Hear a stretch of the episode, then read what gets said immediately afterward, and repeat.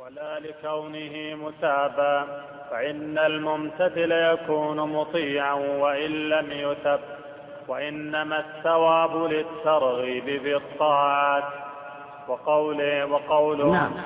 آه إذن الدليل باختصار هو أنه وصف بالطاعة ويلزم من وصف المندوب بأنه طاعة أنه مثاب عليه. أي شيء طاعة مثاب عليه. ويلزم بأنه مثاب عليه أنه مأمور به. إذا المندوب مأمور به حقيقة. لا يمكن أن يثاب الإنسان على شيء لم يأمر الشارع به. أبدا. مهما فعل من كثرة الأفعال. نعم. وقولهم نعم. نمشي نمشي شيخ.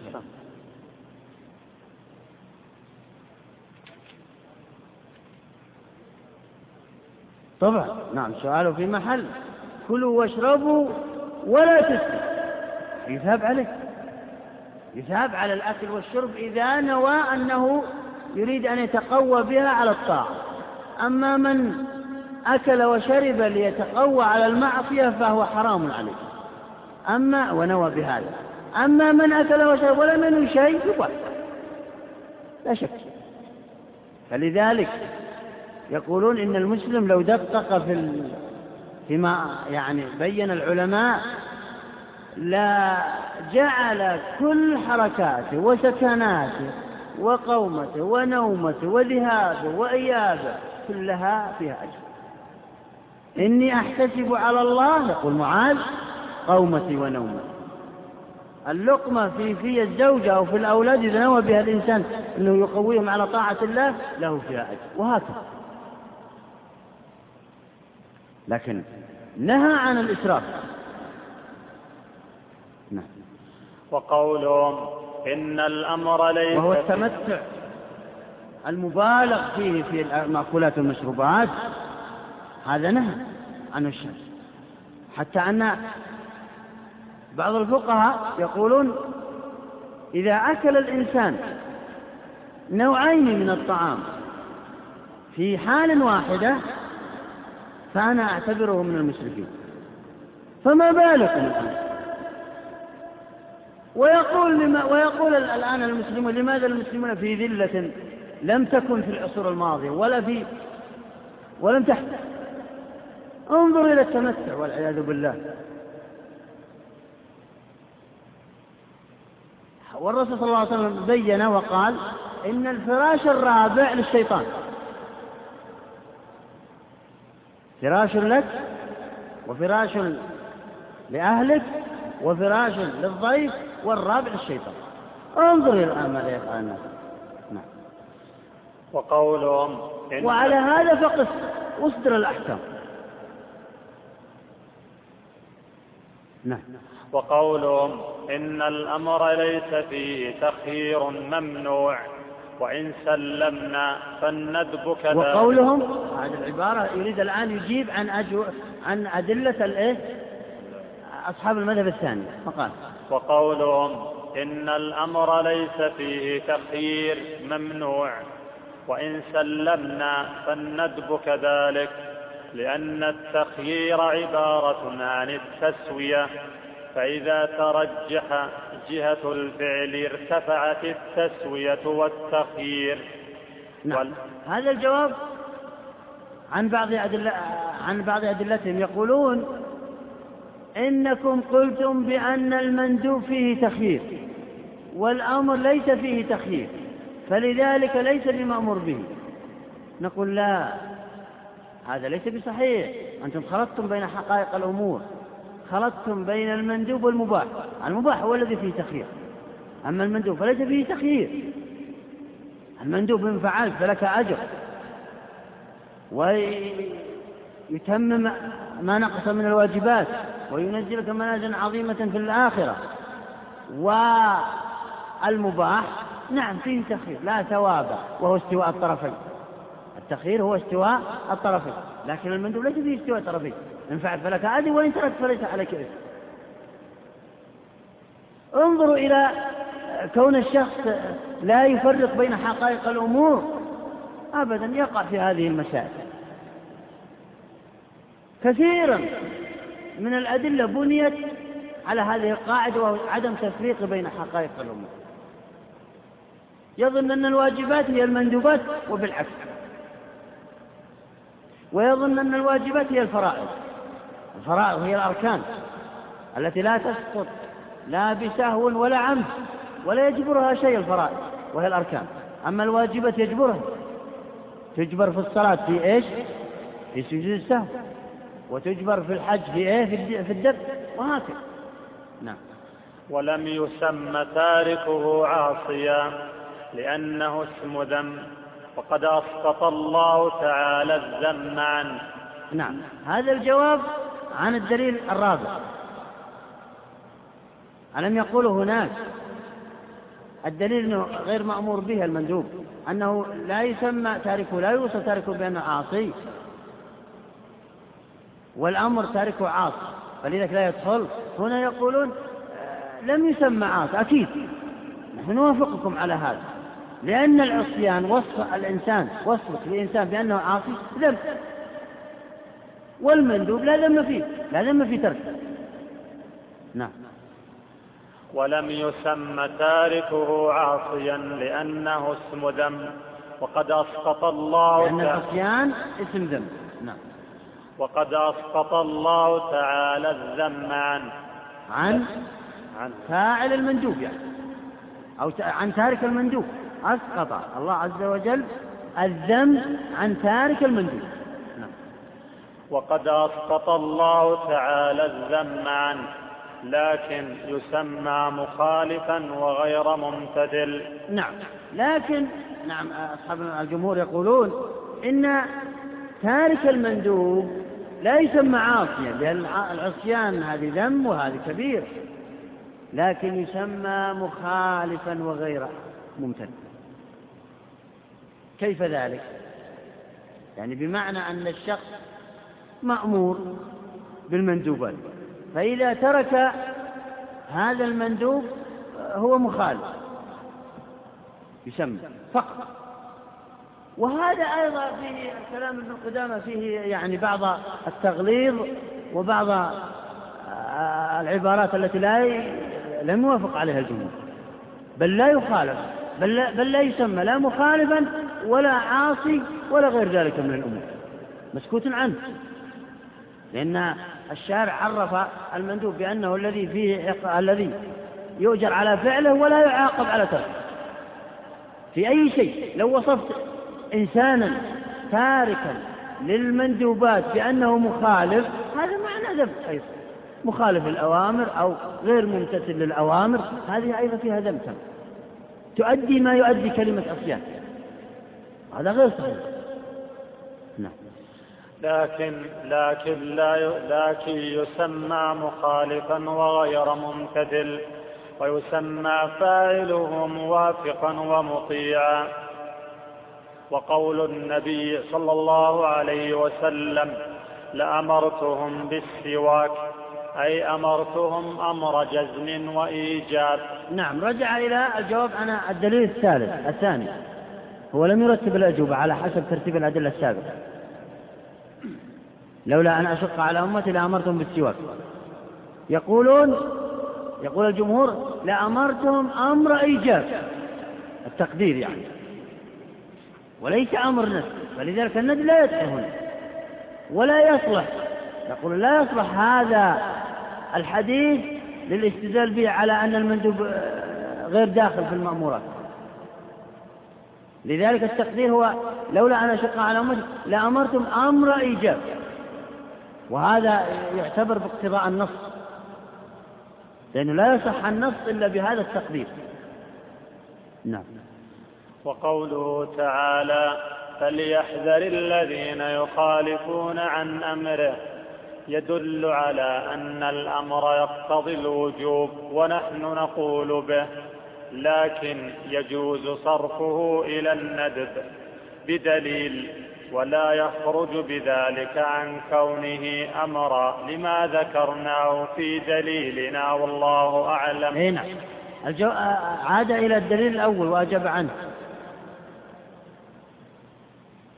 فليحذر الذين يخالفون عن أمره هنا يقول إن هذا للإيجاب لا شك لأن سياق الآية يدل على الإيجاب سياق الآية وهو تحذير والفتنة والعذاب هذا كله يدل على أن إيش؟ على أن الأمر للإيجاب ولم يكن للنفس. لا يصرف عن الإيجاب هنا إلا بدليل ولم يوجد دليل. إذا يوجد أو نثبت أنه للإيجاب. والأمر طبعا معروف. الأمر إذا تجرد عن القرآن فإنه يقتضي وجوب لا يصرف عن هذا إلا لا يصرف عن هذا إلا بقرين نعم.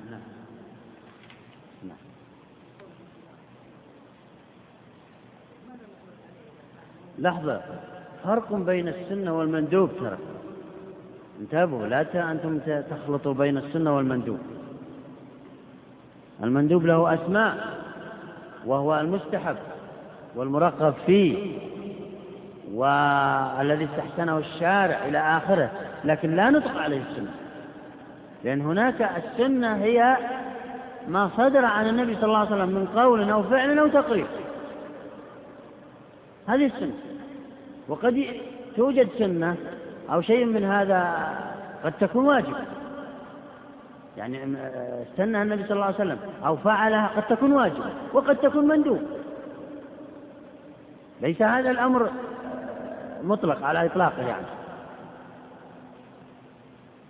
نعم.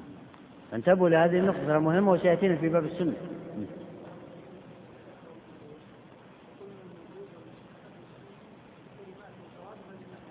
نعم قالوا لكن دققوا في هذا الأمر.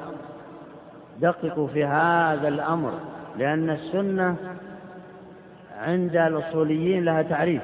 والسنة عند الفقهاء لها تعريف والسنة عند المحدثين لها تعريف. أفرق بينهم أو أذكر مختصر في هذا.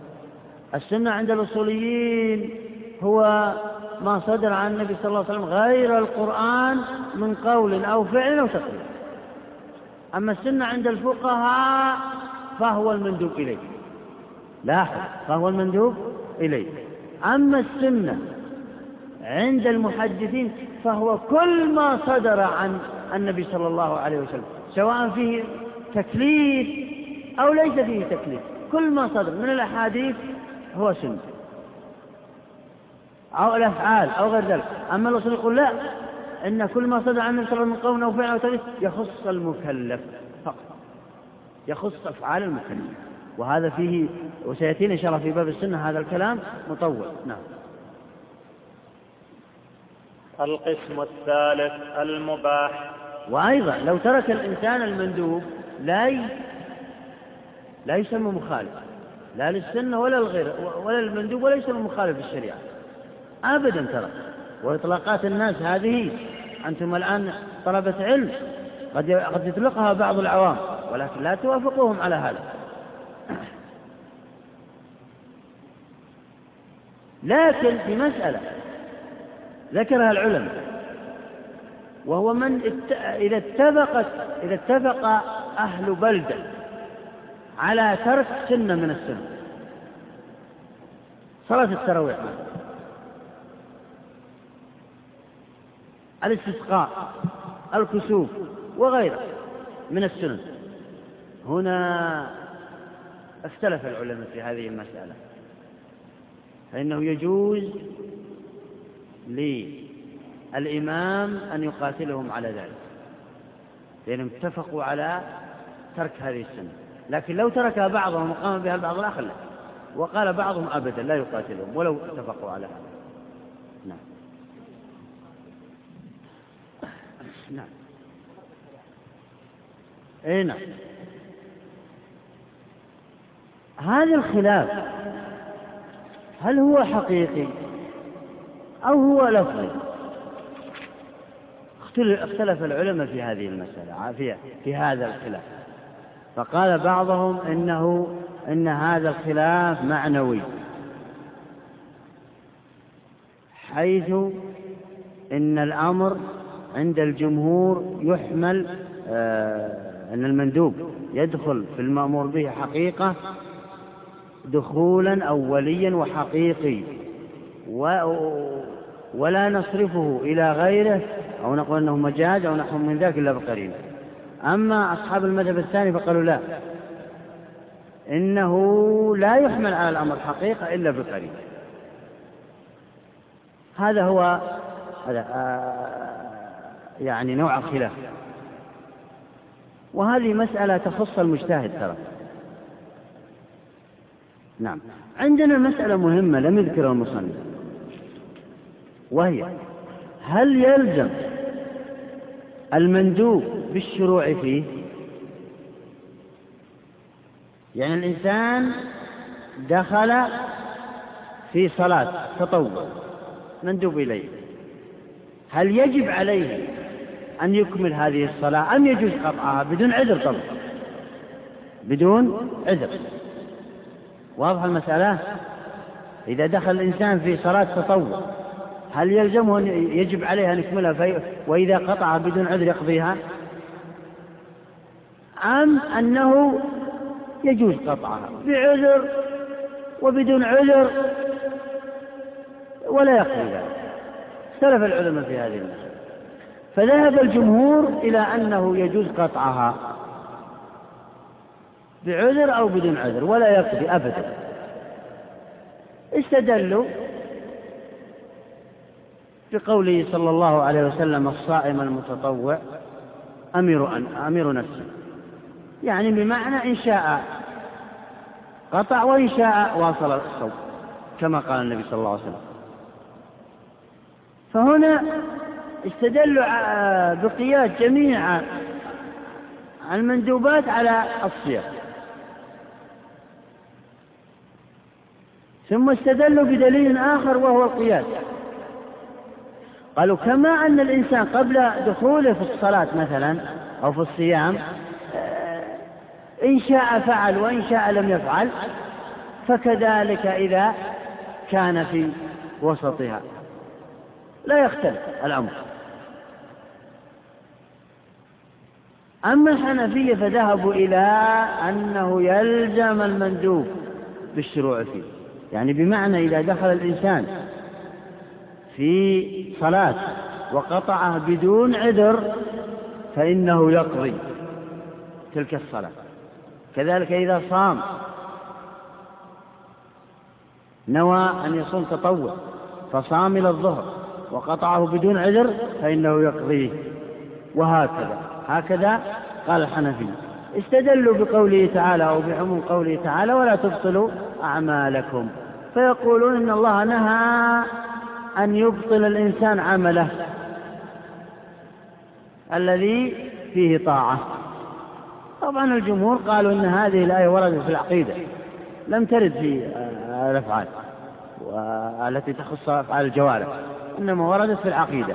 فلذلك الاستدلال في غير موضع الموضع المستدل نعم. القسم الثالث المباح. نقف على هذا الموضوع على أساس نبدأ فيه بداية. أحد له سؤال في الدرس؟ نعم.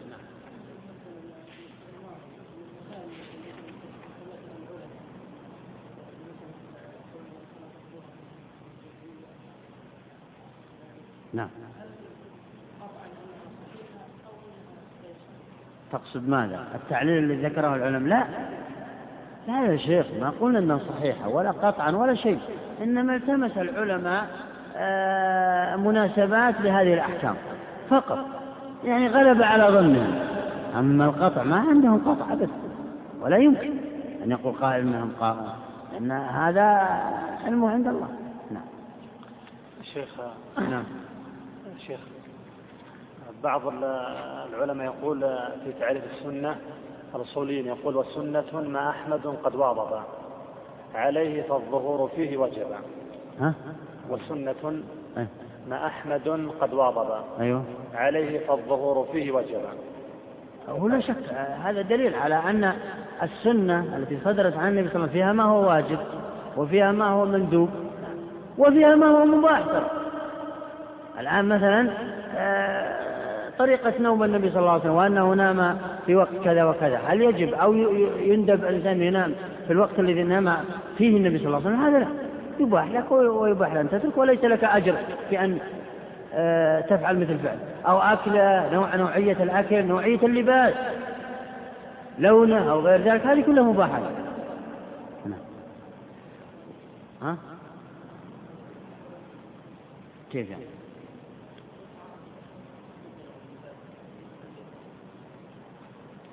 هذا هذا يعني لباس البياض يعني. أي نعم. ما فيها حتى لو استخدم. تلبس لباس أسود أبيض هذا راجع إلى المكلف. مهما كان. لو دققت النظر لأنه هذا فيه نوع من التضييق أو نوع من كذا فالألبسة وألوانها ومواعيد الأكل مواعيد الشرب مواعيد النوم النبي صلى الله عليه وسلم هذا ليس فيه ترى يعني فيه إنما الذي يهمنا هو إيش؟ هو الأوامر والنواهي صدرت عن النبي صلى الله عليه وسلم. وصلى الله على نبينا محمد وعلى آله وصحبه أجمعين. بسم الله الحمد لله والصلاة والسلام على رسول الله. تريدون الروضة ولا الكافي؟ كثيرين الروضة. أكثر من ها؟ نعم. نبدأ نبدأ الحمد لله رب العالمين والصلاة والسلام على رسول الله وعلى آله وأصحابه أجمعين. اللهم اغفر لنا ولشيخنا وللحاضرين. برحمتك يا أرحم الراحمين. قال ابن قدامة رحمه الله تعالى في كتابه الروضة القسم الثالث المباح. القسم الثالث من الأحكام التكليفية على تقسيم آه، الجمهور. لأن الجمهور يقسمون الأحكام التكليفية إلى خمسة الواجب والمندوب والمباح والمكروه والحرام. أما الحنفية فيقسمونها إلى سبعة كما قلنا هناك نعم. وحده ما أذن الله آه مناسبة وضع المباح بعد المندوب والواجب هي أنها تشترك في شيء واحد يعني الواجب والمندوب والمباح. هذه الثلاثة تشترك في شيء واحد وهو وهو إيش؟ جواز الفعل. جواز الفعل. يعني الواجب جائز فعل والمندوب جائز فعل والمباح جائز فعل. لكن الفرق بينها أن الواجب إذا لم تفعل فإنك تعاقب والمندوب إذا لم تفعل إذا فعلت فإنك لك أجر وإذا لم تفعل فلن تعاقب.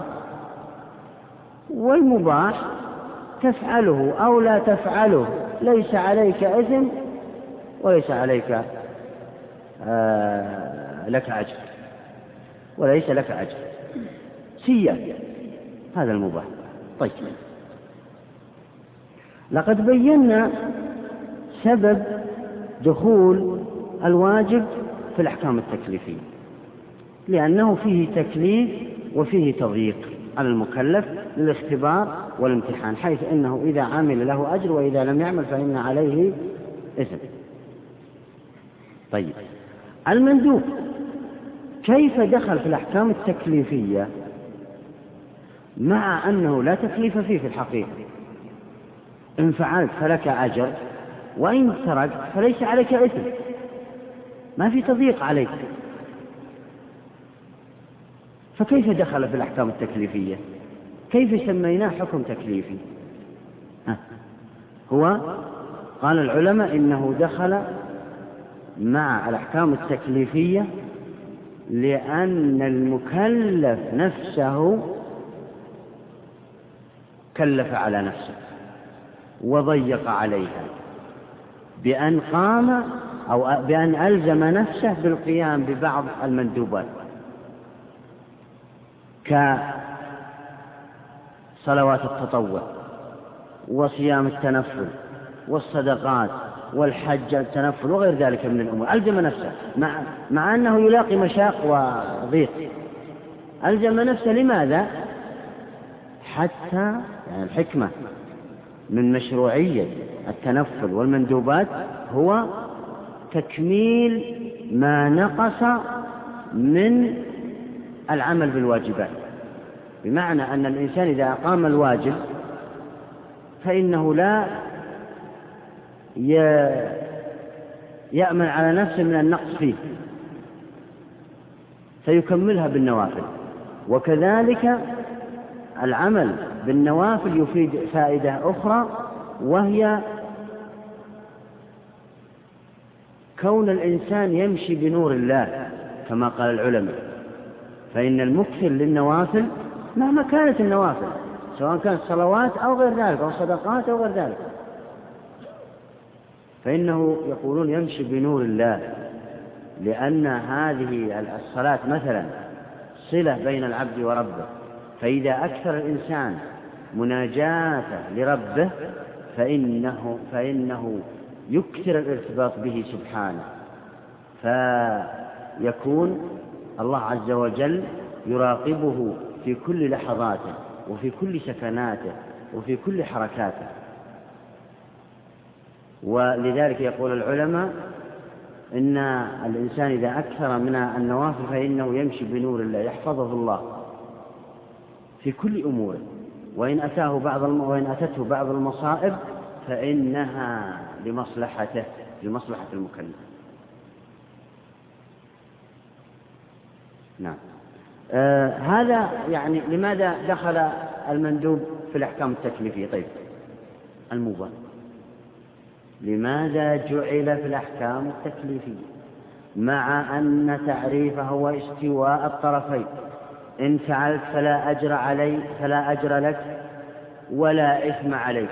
وإن تركت فلا أجر لك ولا إثم عليك لماذا جعل مع الأحكام التكليفية؟ واضح الكلام؟ ها لماذا؟ قال العلماء لأن أو جعل المباح من الأحكام التكليفية لأنه خاص بالمكلف. بمعنى أن المكلف وهو البالغ العاقل يقال له في بعض الأمور يباح لك أن تلبس ثوب أسود وأن تلبس ثوب أبيض وأن آه، تصلي النافلة المطلقة في الوقت الفلاني أو لا تصليها. المهم أو تصلي في الوقت الآخر ليست مشكلة. وأن تأكل الأكل الفلاني يباح لكن المجنون والصبي والبهيمة لا يقال فيما يفعلونه أنه يباح لهم أنهم يفعلون.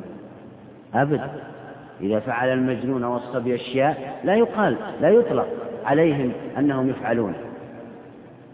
أنه يباح أنهم يفعلون. أبدا بل يقال أن الأصل أنهم يفعلون. أصل.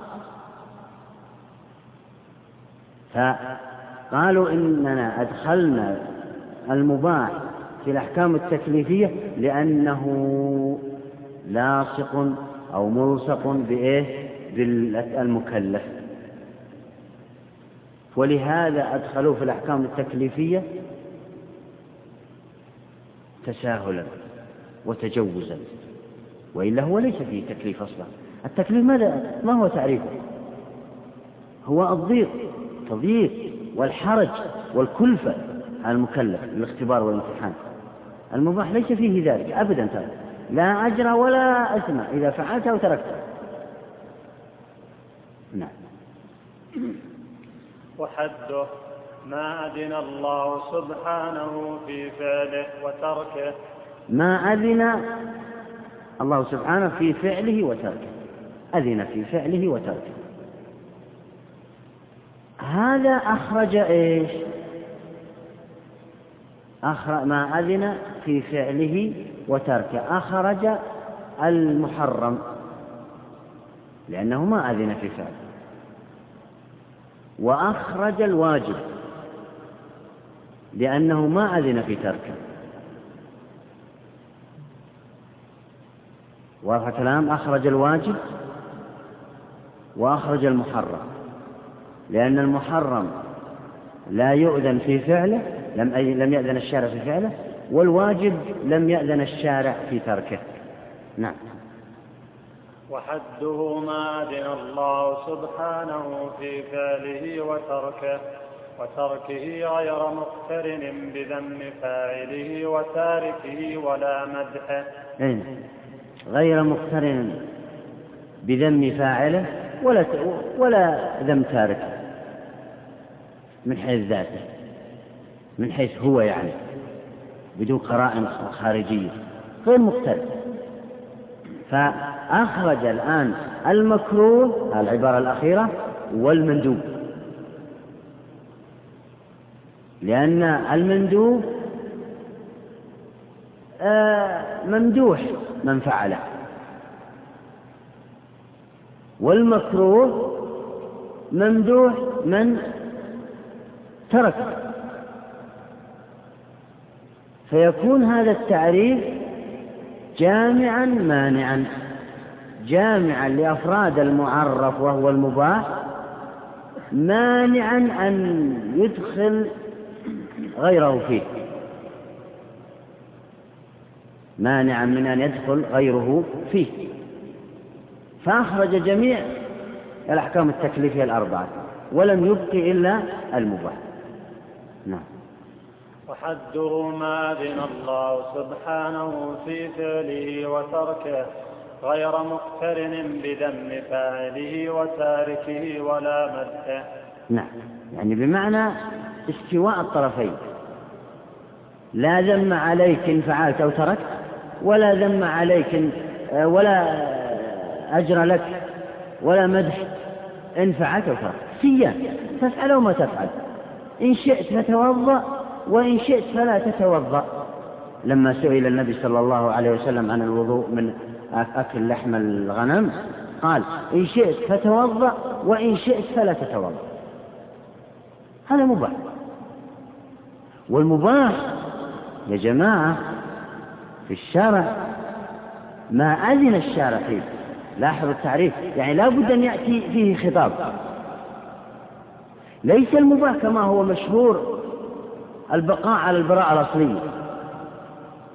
الأصل في الأشياء ستأتينا مسألة مستقلة. لكن هنا يقول ما أذن فيه الشارع. يعني ورد خطاب لا بد من خطاب. من الشارع أن يبيح لنا هذا. إن شئت فتوضأ وإن شئت فلا تتوضأ. نفس العبارة. نهى وأمر. سيان إذا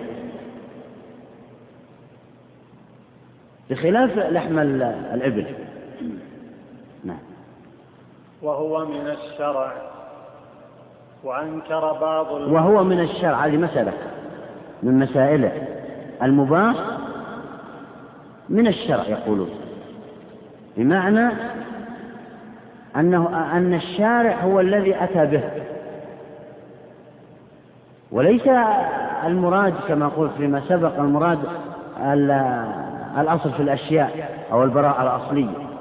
لا بد أن يكون من الشرع نعم. هذا القول الأول وهو قول الجمهور.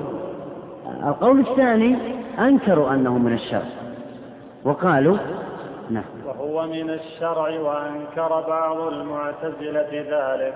نعم. إذ معنى الإباحة نفي الحرج عن الفعل والترك وذلك ثابت قبل ورود السمع. نعم. هذا كلام المعتزلة. يقول المعتزلة هو جمهور المعتزلة وليس كل المعتزلة ترى يقولون هذا. لكن على فرض أنهم كلهم يقولون أنه لا يلزم أن يكون المباح ورد بخطاب من الشرع أبدا فإذا لم يرد الشارع بشيء في هذه المسألة فإنه فإن هذا يعتبر نفي أصلي والنفي الأصلي هو الإباحة يعني مثل الفرش هذه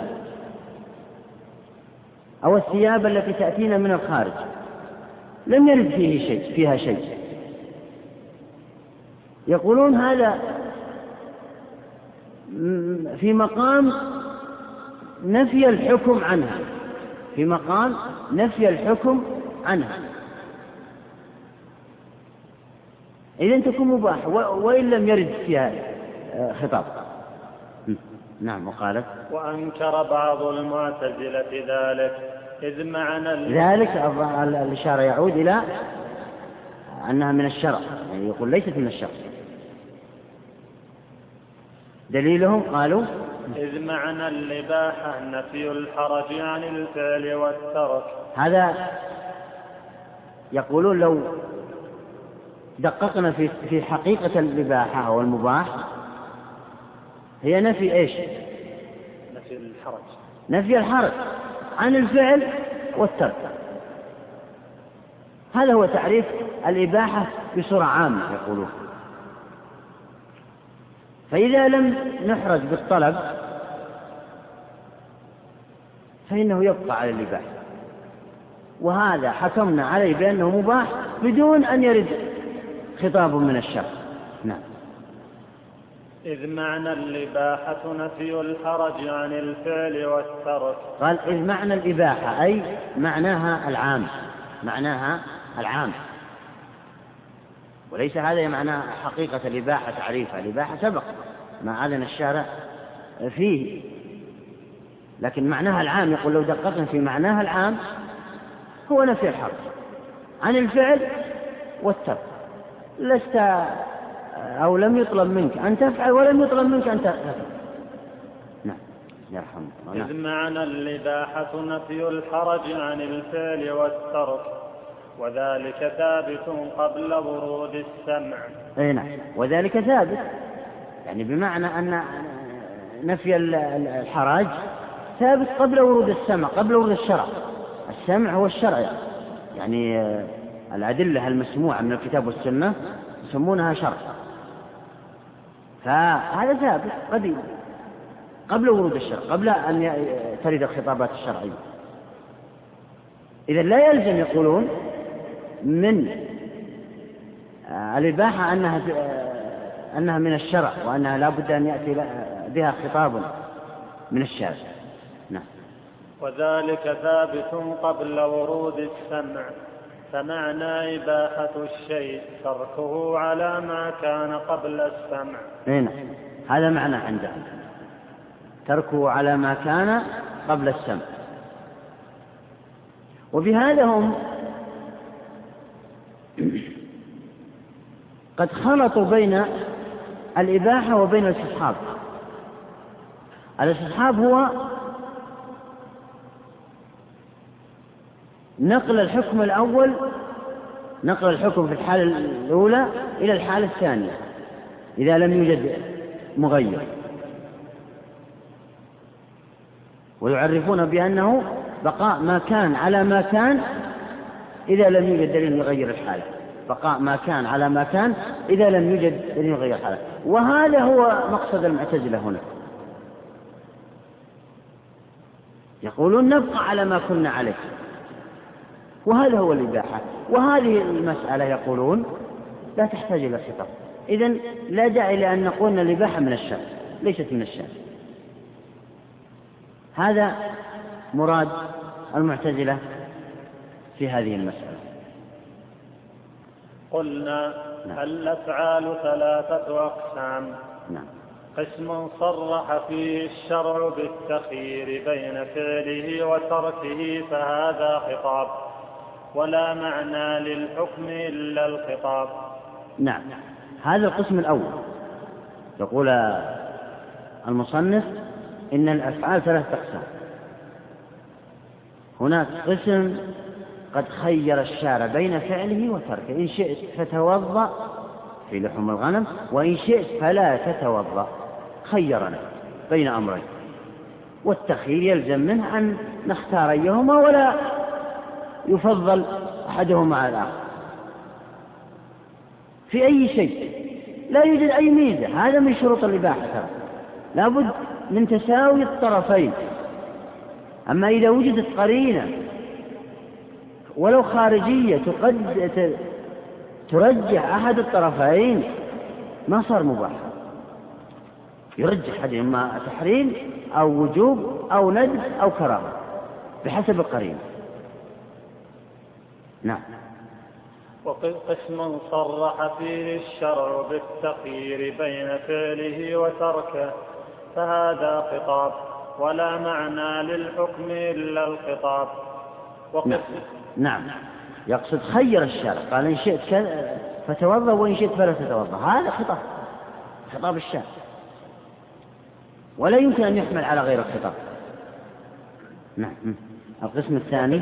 وقسم لم يرد فيه خطاب بالتخيير لكن دل دليل السمع على نفي الحرج عن فعله وتركه.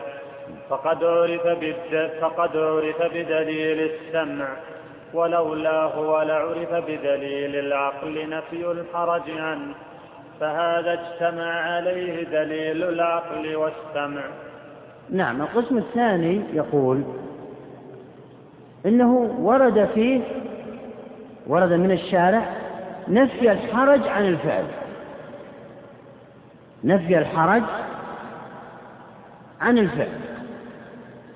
فهنا هذا خطاب ما دام نفى الحرج.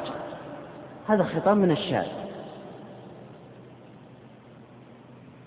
فالإباحة إذن لا تخرج عن هذين القسمين.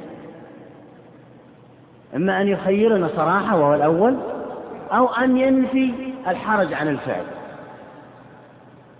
نعم هذه العبارة. وقسم؟ وقسم وقسم لم يرد فيه خطاب بالتخيير لكن دل دليل السمع على نفي الحرج على نفي الحرج عن فعله وتركه. نعم. فقد عرف بدليل السمع ولولاه يعني هذا هذا الخطاب بنفي الحرج عن الفعل أو الترك هذا خطاب وسمع. نعم. وكثير من الآيات والأحاديث تأتي بنفي الحرج نعم. ولولا هو لعرف بدليل العقل نفي الحرج عنه. يعني ولولا هذا الخطاب بنفي الحرج لعرف بدليل العقل.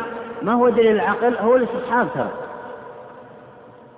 دليل العقل هو الاستصحاب بمعنى أنه إذا نزلت حادثة أو حدثت حادثة مثل هذه الفرش الجديدة مثل هذه الأثواب الجديدة مثل هذه الأمور الأجهزة الجديدة.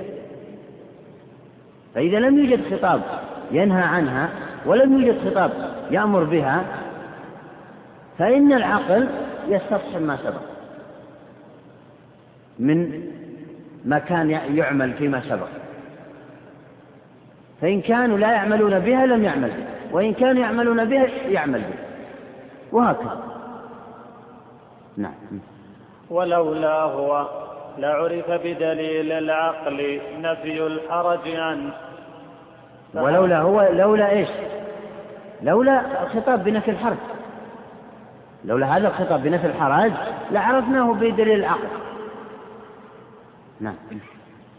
ولولاه ولعرف بدليل العقل نفي الحرج عنه فهذا اجتمع عليه دليل العقل والسمع. نعم.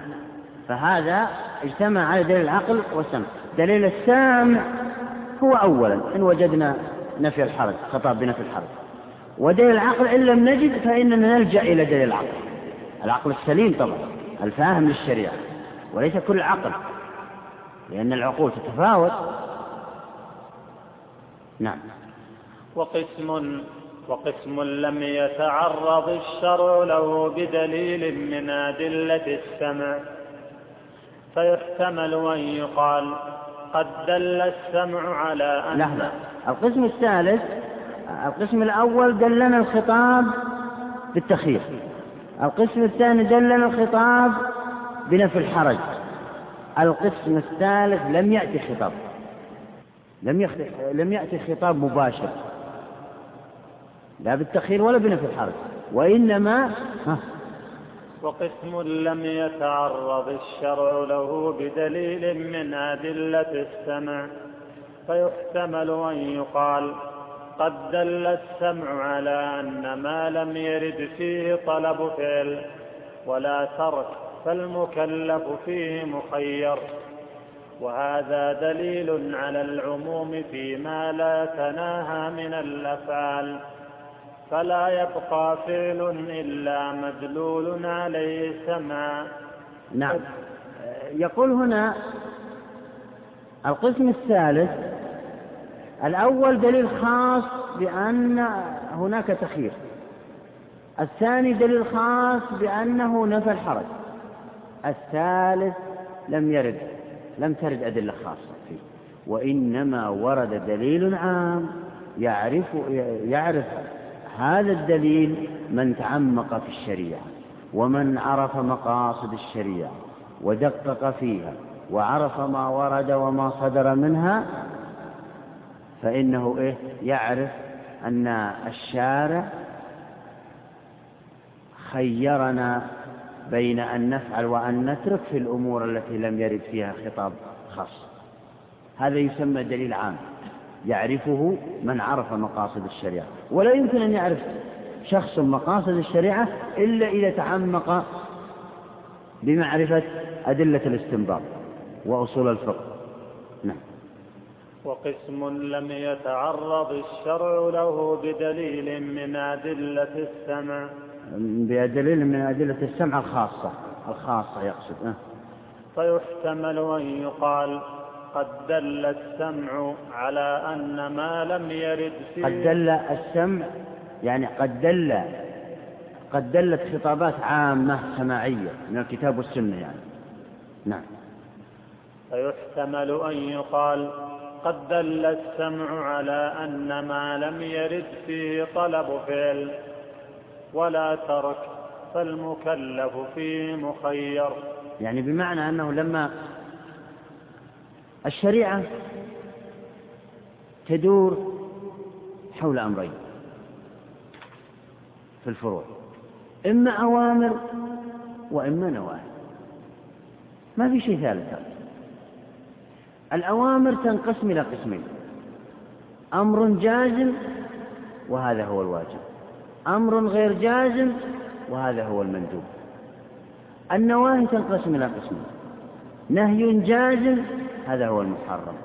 نهي غير جازم وهذا هو المكروه. فالعارف للشريعة والمدقق فيها والمتعمق فيها عرف من تقسيم الشارع لهذه الأمور إما أوامر أو نواهي عرف بالاستقراء والصبر والتقسيم أن ما لم يرد فيه أمر ولم يرد فيه نهي أنه أنكم تعملون أيها الأمة تعملون بما شئتم إن شئتم اعملوا وإن شئتم اتركوا.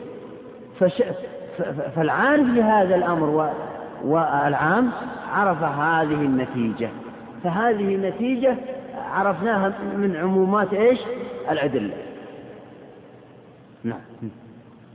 وهذا دليل على العموم فيما لا يتناهى فيما لا يتناهى من الأفعال. أي نعم فيما لا يتناهى لأن الأفعال كثيرة في البلاد وبين العباد كثيرة جدا التي تحدث. فلو دققنا في هذه الأفعال لما وجدنا لها خطابات خاصة. ولكن المجتهد يقول إنه مباح. ما هو دليله؟ دليله هو الفهم العام للشريعة. الفهم العام للأدلة الكلية والقواعد الكلية للشريعة وهي المقاصد الشرعية. نعم. وهذا دليل على العموم فيما لا يتناهى من الأفعال. فلا يبقى فعل إلا مدلول عليه سمعا نعم. إذا يقول النتيجة لا يبقى فعل إلا مدلول عليه بدليل عام على أنه مباح. إذا لم يؤمر به ولم ينهى عنه. نعم. فتكون إباحته من الشرع. يقول وعلى هذا تكون إباحته من الشرع. يعني إذا أخذ هذا المجتهد هذه الأدلة العامة على أن هذه الأمور وهذه الأفعال مباحة إذا من الشرع فالنتيجة من الأقسام الثلاثة النتيجة أن كلها من الشرع إما خطابات خاصة وهو التخيير في الأول ونفي الحرج في الثاني أو التخيير أتانا من وجه عام من دليل عام من الشريعة. ولا يعرفه إلا المجتهد هذا الأمر. ويحتمل أن يقال لا حكم له والله أعلم. ويحتمل أن يقال الذي لم يرد فيه دليل خاص يعني أنه لا حكم له في الشريعة. ما معنى لا حكم له؟ هل يعني معناه يقر بأن بأنها توجد حادثة لا حكم لها في الشريعة؟ هذه مشكلة. لأن هذه موافقة إذن على كلام أعداء الإسلام. منذ زمن طويل إلى يومنا هذا وهم يعلنون أن الشريعة قاصرة عن حل القضايا المتجددة لذلك ذهبوا وحكموا القوانين الوضعية. ليس المقصود بالقدام أنه لا حكم لها يعني أن تلك الحادثة لم نجد حكمها في الشريعة لا. قال لا حكم لها أي لا حكم لها عن طريق الأدلة الخاصة. عن طريق الأدلة الخاصة. لكنها تدخل عن طريق الأدلة العامة وإدخالها هنا عن طريقين. إما إدخالها عن طريق المصالح المرسلة والمقاصد وإما عن طريق القياس. يعني بمعنى نلحق هذه الحادثة بمسألة أخرى قد نص الشارع عليها نصا عاما أو خاصا. وليس مقصود لا حكم لها يعني تلك تلك الحال لا حكم لها. نعم. فصل واختلف في الأفعال وفي الأعيان المنتفع بها قبل ورود الشرع بحكمها. نعم. هذه مسألة هي التي أشار إليها جمهور المعتزلة وخلطوا بين تلك المسألة وهذه المسألة. هذه مسألة جديدة. يعني الأصل في الأشياء هل هي الإباحة أو الحظر؟ اختلف العلماء في هذه المسألة. يعني بمعنى أن هذا الشيء الذي لم يرد حكمه لم ينهى عنه ولم يؤمر به هل يباح لنا أن نعمل به وأن نتمتع به وأن نستعمله أو أنه يحرم يحظر علينا؟ اختلف العلماء في هذه المسألة ولكل قول دليل. نعم. واختلف في الأفعال وفي الأعيان المنتفع بها قبل ورود الشرع بحكمها. المنتفع الأعيان والأفعال. يعني أعيان الأشياء تحدث. مثل أعيان عين هذا الفرش عين هذا الثوب عين هذا كذا. هذه الأجهزة الجديدة. وكذلك الأفعال مثل كون الشخص ينام في وقت أو لا ينام أو نحو من ذلك. المنتفع بها. اشترط أن تكون هذه الأفعال منتفع بها. أما الأشياء التي لا ينتفع بها الإنسان فلا يجوز أنه, أنه يعملها. المأكولات وغير المأكولات ينبغي أن ينتفع بها. والمشروبات الغازية وغيرها هذه التي آه، حدثت جديدة. هل تشرب أو لا تشرب؟ نعم. والأفعال كون الإنسان آه، ينام في وقت محدد أو لا ينام صباح مساء ظهر عصر هذه آه، أيضا مباحة للإنسان بحيث لا يكون نومه آه، قد منعه من طاعة مفروضة. إذا كان النوم إذا كان المباح نص العلماء إذا كان المباح يمنع من واجب أو يوقع في حرام إذا كان المباح يوقع في حرام فهو حرام المباح. إذا كان يمنع من واجب فهو حرام أيضا. يعني كون هذا السهر الآن الذي يحدث يمنع من الصلاة من صلاة الفجر قبل طلوع الشمس فهو حرام.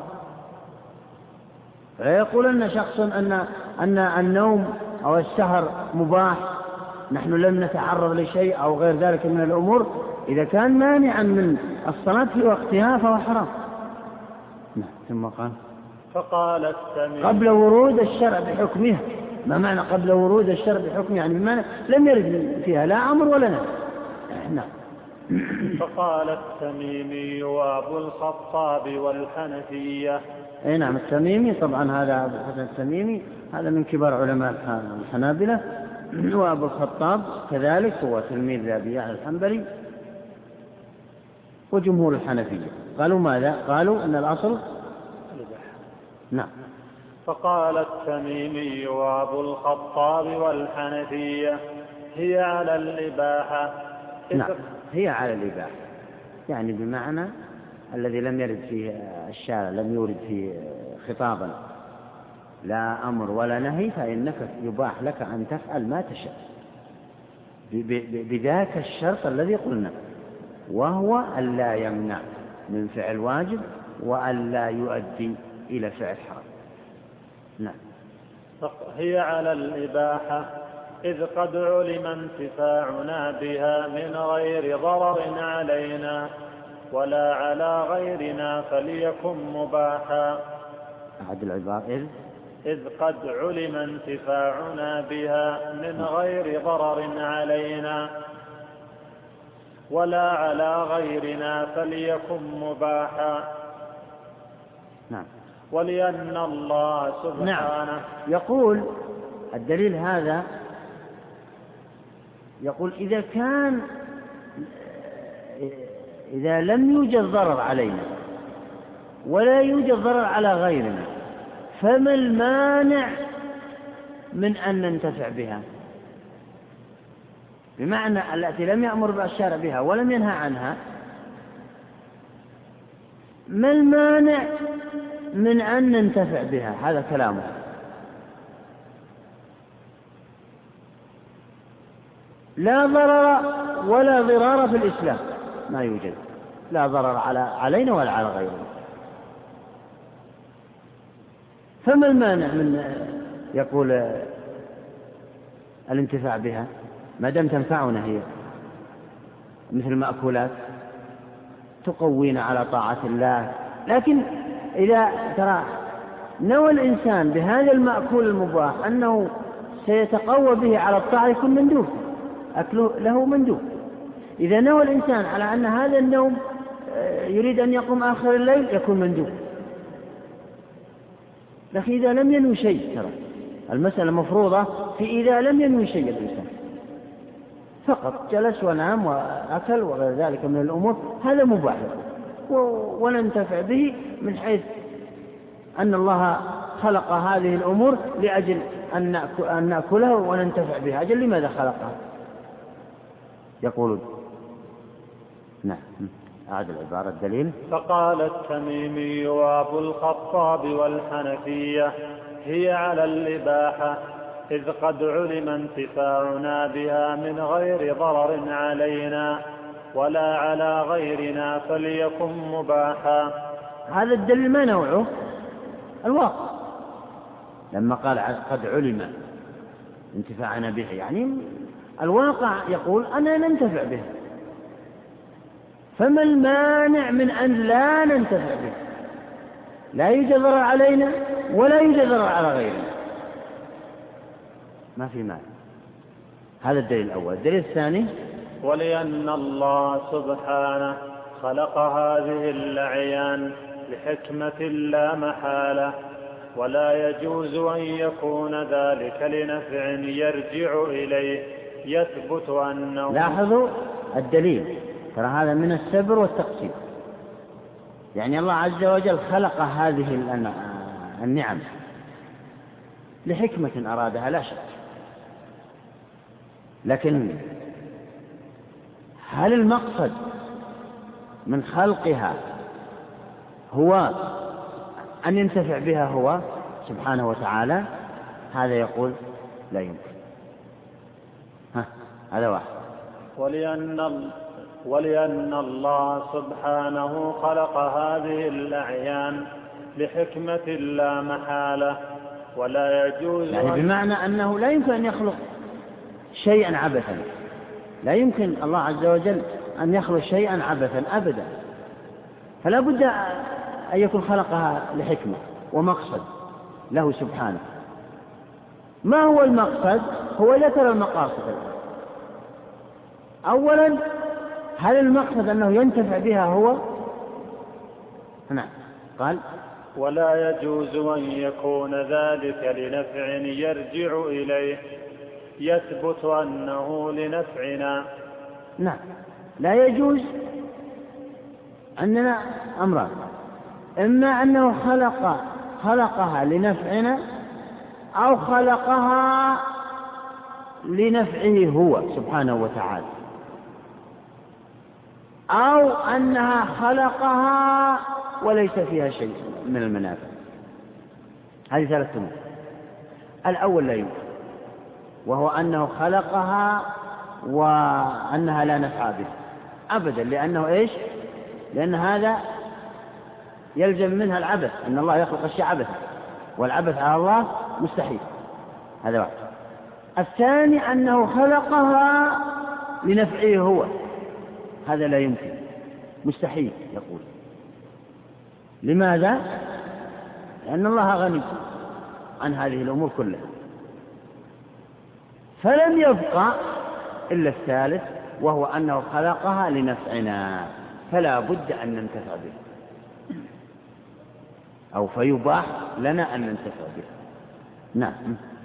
ولأن الله سبحانه خلق هذه الأعيان لحكمة لا محالة ولا يجوز أن يكون ذلك لنفع يرجع إليه يثبت أنه لنفعنا. وقال ابن حامد هذا المذهب الأول استدل بدليل الدليل الأول الواقع. يقول ما دام أنه لا ضرر علينا ولا ضرر على غيرنا فما المانع من أن تختم الثاني السبر والتقسيم. يقول إن عندنا ثلاثة نقسم الأمر إلى ثلاثة أمور. إما أنه خلقها وليس فيها شيء لا نفع فيها. هذا لا يجوز. أو أنه خلقها لنفعه هو وهذا لا يمكن. مستحيل كما قلنا. أو أنه خلقها لنفعنا وهذا هو الصحيح من هذه التقسيمات. إذا لم يبقى إلا هو. إذا هو الصحيح. إذا ننتفع بها. يباح لنا أن ننتفع بها واضح الدليل؟ نعم. المذهب الثاني؟ وقال ابن حامد. ابن حامد هذا شيخ أبي يعلى الحنبلي. نعم. والقاضي. والقاضي تلميذه أبو يعلى إذا قيل القاضي عند الحنابلة فهو أبو يعلى نعم. وبعض المعتزلة هي نعم. على الحظر لأن يعني بمعنى أنها محظورة. يعني لا يجوز أن ننتفع بها. إذا لم يرد بها أمر ولا نهي فإننا نمتنع. حتى نطلع على دليل إما يأمر بها آه، واجبا أو ندبا أو ينهى عنها نهيا آه، على سبيل الكراهة وعلى سبيل التحريم. أما أن نعمل بها وننتفع بها بدون أي شيء هذا يقولون لا يجوز على التحريم. نحملها على التحريم. ما هي أدلتهم؟ لأن التصرف في ملك الغير بغير إذنه قبيح والله سبحانه المالك ولم يأذن. نعم. ويقولون إن هذه الأشياء التي خلقها هي ملك لله عز وجل. هي ملك هي ملك لله عز وجل.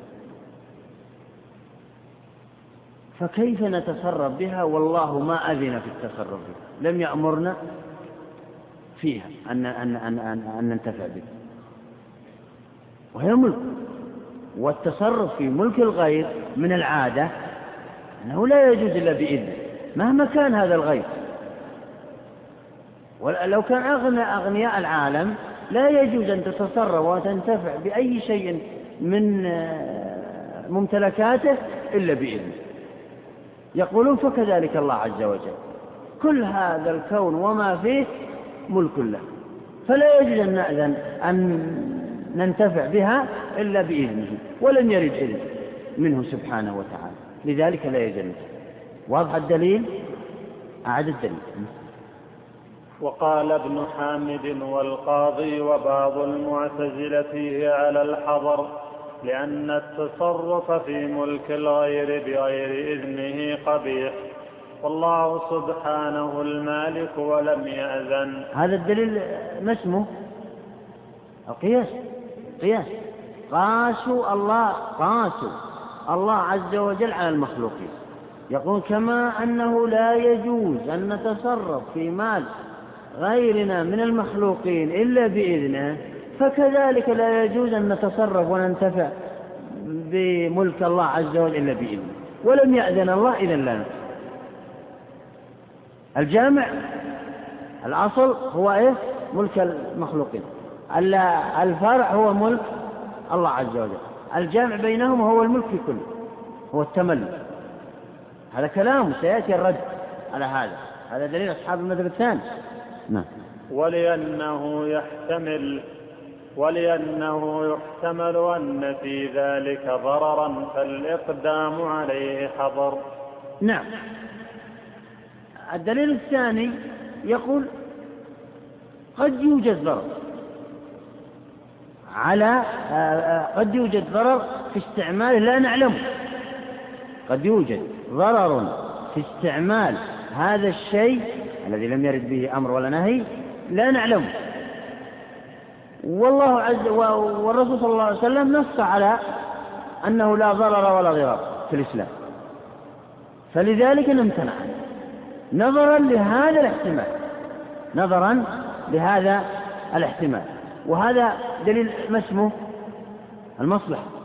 المصلحة لأنه يقول استعماله مفسدة مفسدة وهو ضرر. وهو الضرر المقصود هنا. ف وعدم استعماله مصلحة لهذا الشخص المالك. إذا الدليل المصلحة وهو احتمال كما قالوا هم. هم قووا, قووا هذا الاحتمال ولكن عند الجمهور أنه ضعيف. نعم. ولأنه يحتمل أن في ذلك ضررا فالإقدام عليه حظر نعم فالإقدام على ما فيه ضرر يقصد. أي شيء فيه ضرر على نفسك وعلى أو على غيرك فإنه حرام أن تقدم على أن أن تقدم على فعله. نعم. وقال أبو الحسن الجزري نعم. وطائفة الواقفية لا حكم لها. أي نعم. هذا طبعا مذهب بعض الواقفية ومذهب الجزري هذا من الحنابلة وليس من الظاهرية كما هو يقال. أنه إيه؟ لا حكم له. أنه لا حكم له التوقف يعني. توقفوا. يقول لا نقول أنها مباح ولا نقول أنها إيش؟ آه محرمة. إنما نتوقف حتى يرد دليل يبيح أو يحرم. يبيح أو يحرم. والتوقف هذا نظرا لعدم الدليل. التوقف هذا هذا بسبب عدم الدليل على ترجيح أحد الطرفين. بمعنى لا ينتفعون ولا يقولون أنه حرام. وإنما توقفوا. وقال أبو الحسن الجزري وطائفة الواقفية لا حكم لها إذ معنى الحكم الخطاب ولا خطاب قبل ورود السمع. نعم هذا دليله. يقول أن الحكم لا يثبت إلا بخطاب. الحكم لا يمكن أي حكم أن يثبت إلا بخطاب. ولا يوجد عندنا خطاب في هذا الأمر. لا خطاب أمر ولا خطاب نهي. لذلك نتوقف. ما دام ما يوجد هذا. النتيجة توقف. نعم. والعقل لا يبيح شيئا ولا يحرمه وإنما هو معرف للترجيح والاستواء. نعم. يقولون العقل لما قيل لهم والعقل ماذا تقولون فيها العقل السليم؟ قالوا أبدا العقل لا دخل له في الشر لا يبيح شيء ولا يحرمه. أبدا. لذلك يبقى هذا الشيء آه، مستوي الطرفين عندنا. لا نرجح أنه مباح ولا نرجح أنه محرم إلا بدليل. نعم ينجح. والعقل لا يبيح شيئا ولا يحرمه. وإنما هو معرف للترجيح والاستواء. أي نعم معرف للترجيح والاستواء يعني بمعنى أن العقل هو الذي يبين وجه الدلالة من الأدلة العقل السليم. هو الذي يرجع أحد الطرفين بقرينة إيه، يجدها سواء كانت قرينة حالية أو مقالية أو خارجية. نعم. وقبح التصرف في ملك الغير إنما يعلم بتحريم الشارع ونهيه. نعم. هو الآن بدأ يرد بدأ يرد على أصحاب المذهب المذهب الأول. ماذا قالوا هناك؟ يقول إن التصرف في ملك الغير قبيح. التصرف في ملك الغير قبيح هذا المذهب الثاني. نعم المذهب الثاني. التصرف في ملك الغير قبيح. أصحاب المذهب الثالث يقولون إن القبح لا يمكن أن نأخذه من العقل ولا من غيره. القبح والحسن نأخذه من الشارع. إذا أمر الشارع بشيء معناه أنه حسن. وإذا نهى الشارع عن شيء معناه أنه قبيح. فلم يأمر الله عز وجل بأشياء إلا أنها حسنة وينبغي أن ننتفع بها. ولا يمكن أن ينهى عن شيء إلا إذا كان قبيحا. لذلك العقل بعيد عن أنه يقبح أو يحسن. وهذا رد على المعتزلة أيضا. نعم. ولو حكمت فيه العادة فإنما يقبح في حق من يتضرر بالتصرف في ملكه. بل يقبح المنع مما لا ضرر فيه كالظلم هذه العبارة. ولو حكم. ولو حكمت فيه العادة. نعم. فإنما يقبح في حق من يتضرر بالتصرف في ملكه. نعم. من يتضرر في ملكه. هم الآن ردوا على من؟ على دليل من أدلة أصحاب المذهب الأول. نعم. أو نعم دليل من الدليل الثاني من أدلة أصحاب المذهب الثاني ولا؟ نعم. فهم يقولون أنتم قلتم بأن الشعب قستم الله عز وجل على المخلوقين. قالوا ولا يجوز التصرف في ملك الغير إلا بإذنه. فكذلك الله لا يجوز أن ننتفع بهذه الأمور إلا بإذنه. نقول كأن المجيب هنا يقول إن القياس هذا فاسد لأنه قياس مع الفارق. لأنه قياس مع الفارق. ما هو وجه الفرق؟ وجه الفرق أن المخلوق يتضرر المخلوق يتضرر من أن تنتفع به بشيء من ممتلكاته لكن الخالق لا يتضرر يقول بشيء من الأمور أبد. لأنه خالق كل شيء. فأما المخلوق فهو ملكه وقد تعب في جمعه فلذلك يتضرر مهما كان يتضرر سواء كان يتضرر تضررا حسيا من نقص ماله أو معنويا وهو التضايق وغير ذلك من الأمور. أعد العبارة وهو الجواب. ولو حكمت فيه العادة. فإنما يقبح في حق من يتضرر بالتصرف في ملكه. نعم يقبح أن ننتفع بمن يتضرر في ملكه. وهم الم... وهم إيه؟ المخلوقون. أما الله عز وجل فلا يتضرر ولا ينقص من ملكه شيء. نعم. بل يقبح المنع مما لا ضرر فيه كالظل وضوء النار. نعم. بل يقبح المنع يعني بمعنى أنه آه، لا يجوز أن تمنع أحدا لا يجوز أن تمنع أحدا من الانتفاع بشيء لا تتضرر فيه أنت. حتى يقول حتى المخلوقين في أشياء لا يتضررون من الانتفاع بها مثل الاستظلال بظل حائطة. مثل التدفئة بنار. هذا يقول لا يتضرر. مثل أن يتنظر الإنسان بمرآته. ذكروه هنا وقالوا ها؟ بل يقبح المنع مما لا ضرر فيه. كالظل وضوء النار. هنا كالظل وهو ظل حائطة. لا قبيح من الإنسان أن يمنع الناس أن إيش؟ أن يستظلوا بظل حائطة أو ظل شجرته. وهذا القول هو اللائق بالمذهب.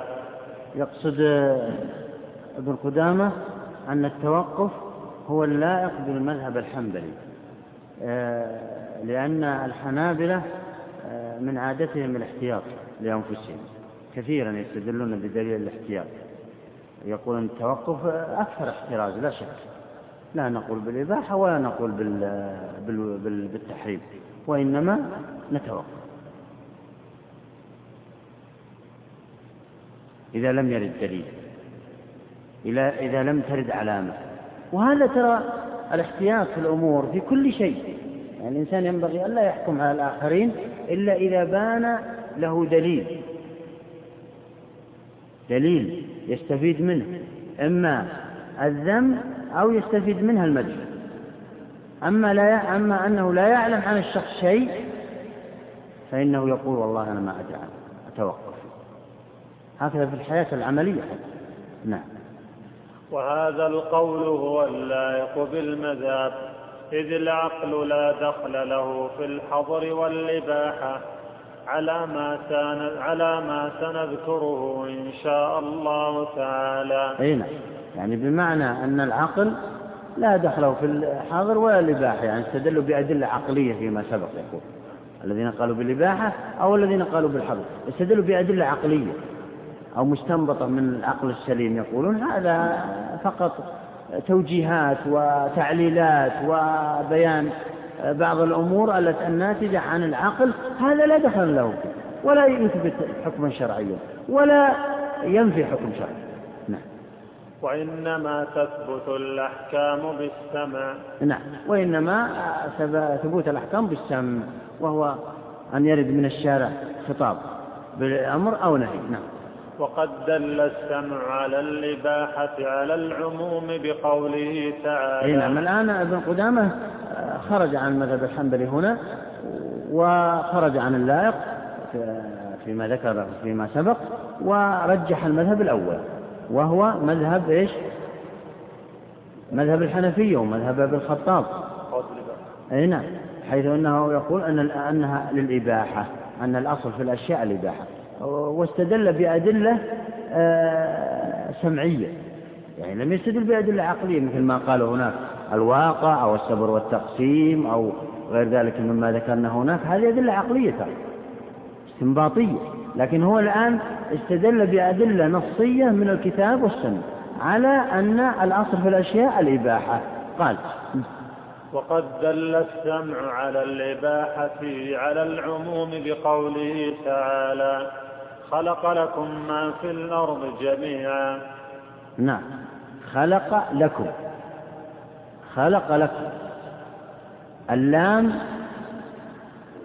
ليست للتمليك الحقيقي ترى. المالك الحقيقي لكل الأمور سواء كان لأموالنا أو لأنفسنا هو الله عز وجل. لكن خلق لكم هذا تمليك غير حقيقي وهو إيش؟ الانتفاع. الانتفاع. مثل الإجارة الآن. مالك للمنفعة ولم يملك ملكا حقيقيا. مالك للمنفعة فقط. نعم. وبقوله فلذلك كلمة لكم أي للانتفاع بها.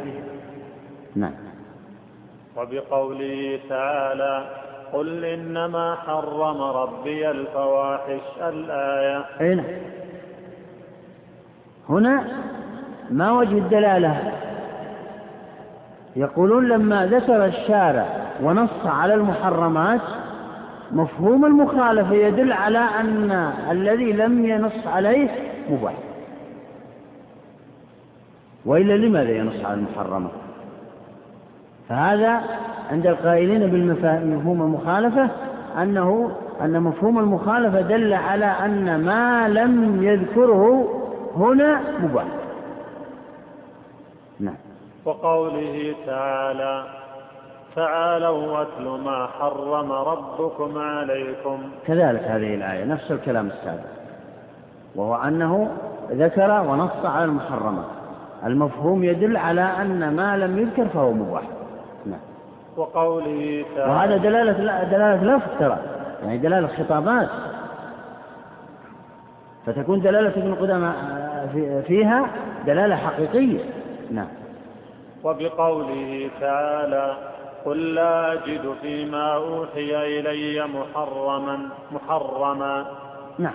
كذلك هذا نفس نفس وجه الدلالة.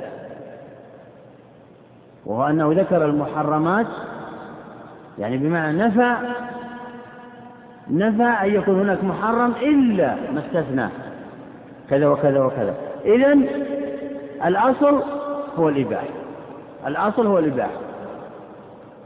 ونظرا لكثرة هذا الأصل ترك ذكره ذكر أنواعه وأعيانه وإنما ذكر المحرمات نظرا لقلتها نظرا لقلتها.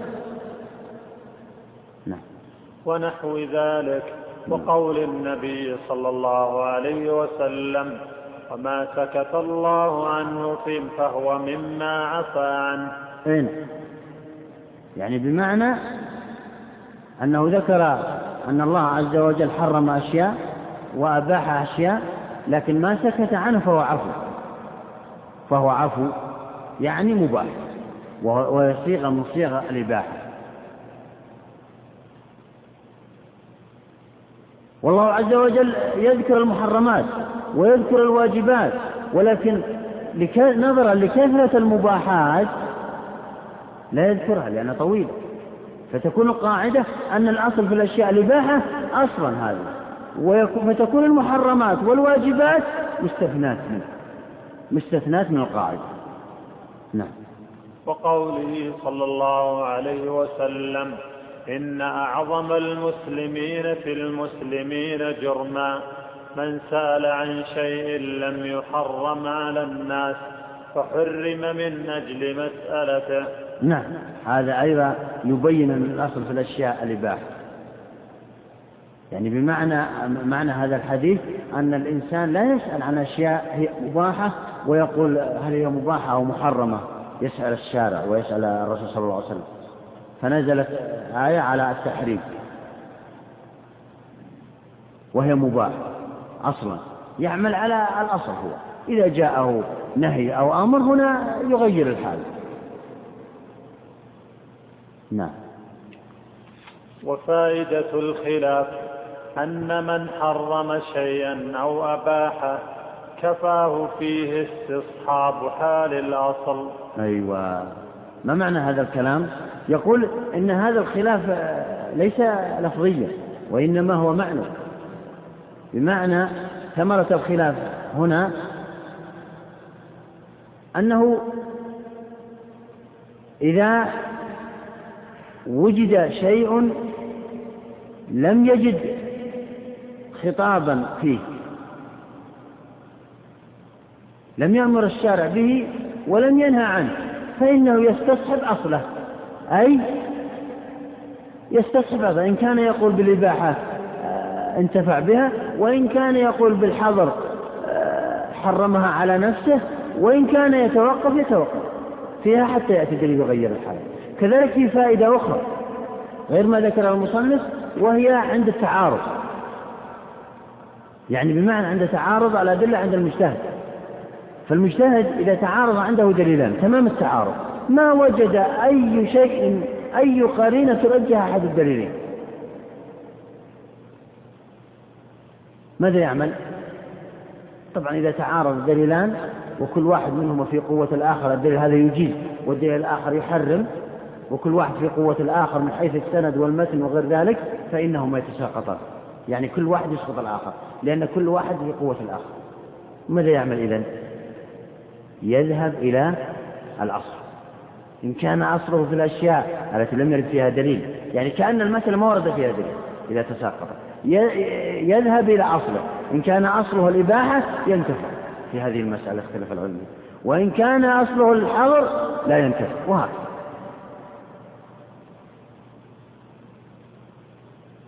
نعم. فصل. فصل المباح غير مأمور به لأن الأمر استدعاء وطلب. نعم. الأمر غير مأمور به. هذا عند الجمهور. يعني لم يأمر الشارع به ولم ينهى عنه. نعم. المباح غير مأمور مأمور به لأن الأمر استدعاء وطلب. والمباح مأذون فيه. أي نعم. يقول لأن الأمر هو استدعاء وطلب. يعني استدعيت أن تفعل هذا الشيء. وطلبته منك. أما المباح فهو مأذون فيه. يقول إنها إنه فرق بين الأمر وبين المباح. الأمر هو الطلب. طلب فعل هذا الأمر. وامتثاله. أما المباح فهو الإذن فقط. أذنت لك أن تأكل هذا وأن تشرب هذا أو نحو من ذلك. والإذن غير الأمر. هذا دليل من أدلته نعم. ومطلق غير مستدعى ولا مطلوب أي نعم. يعني يقصد المباح. مأذون فيه مطلق. ولم يستدعى ولم يطلب ولا شيء. إن شئت افعل وإن شئت فتوضأ. وإن شئت فلا تتوضأ. من أكل لحوم الغنم. نعم. وتسميته مأمورا تجوز. أي نعم. إذا يقول إذا سمي أنه مأمور فهو سمي مجازا فقط. وإلا هو حقيقة ليس مأمور به. إذ لو كان مأمور به لكان من الأحكام التكليفية الحقيقية. وهو ليس من الأحكام التكليفية الحقيقية بل هو دخل في الأحكام التكليفية مجازا وتساهلا نظرا لاختصاصه بالمكلف كما قلنا فيما سبق. نعم. فإن قيل ترك الحرام مأمور به والسكوت المباح يترك به الكفر والكذب الحرام فيكون مأمورا به. نعم هذا اعتراض. مذهب ثاني على أن المباح مأمور به يقولون. كيف مأمور به؟ نعم. قال ترك الحرام مأمور به نعم. والسكوت المباح يترك به أي نعم ترك الحرام مأمور به. يقول إننا إذا إذا تركت الكذب مثلا إذا تركت الكذب مأمور يعني لم تكذب فإنه مأمور به. والسكوت عن الكذب وعن الغيبة وعن النميمة مأمور به مع أن السكوت مباح. يقول لو دققنا النظر. فينقلب المباح إلى أنه مأمور به. نعم. فإن قيل ترك الحرام مأمور به. والسكوت المباح يترك به الكفر والكذب الحرام فيكون مأمورا به. يعني نعم. يعني يقصد هذا بهذا المذهب أن المباح مأمور به من هذه الحيثية أن السكوت عن كلمة الكفر وعن الكذب هذا مباح بمعناها العام. لكنه لو دققنا النظر وجدنا أنه مأمور به. نظرا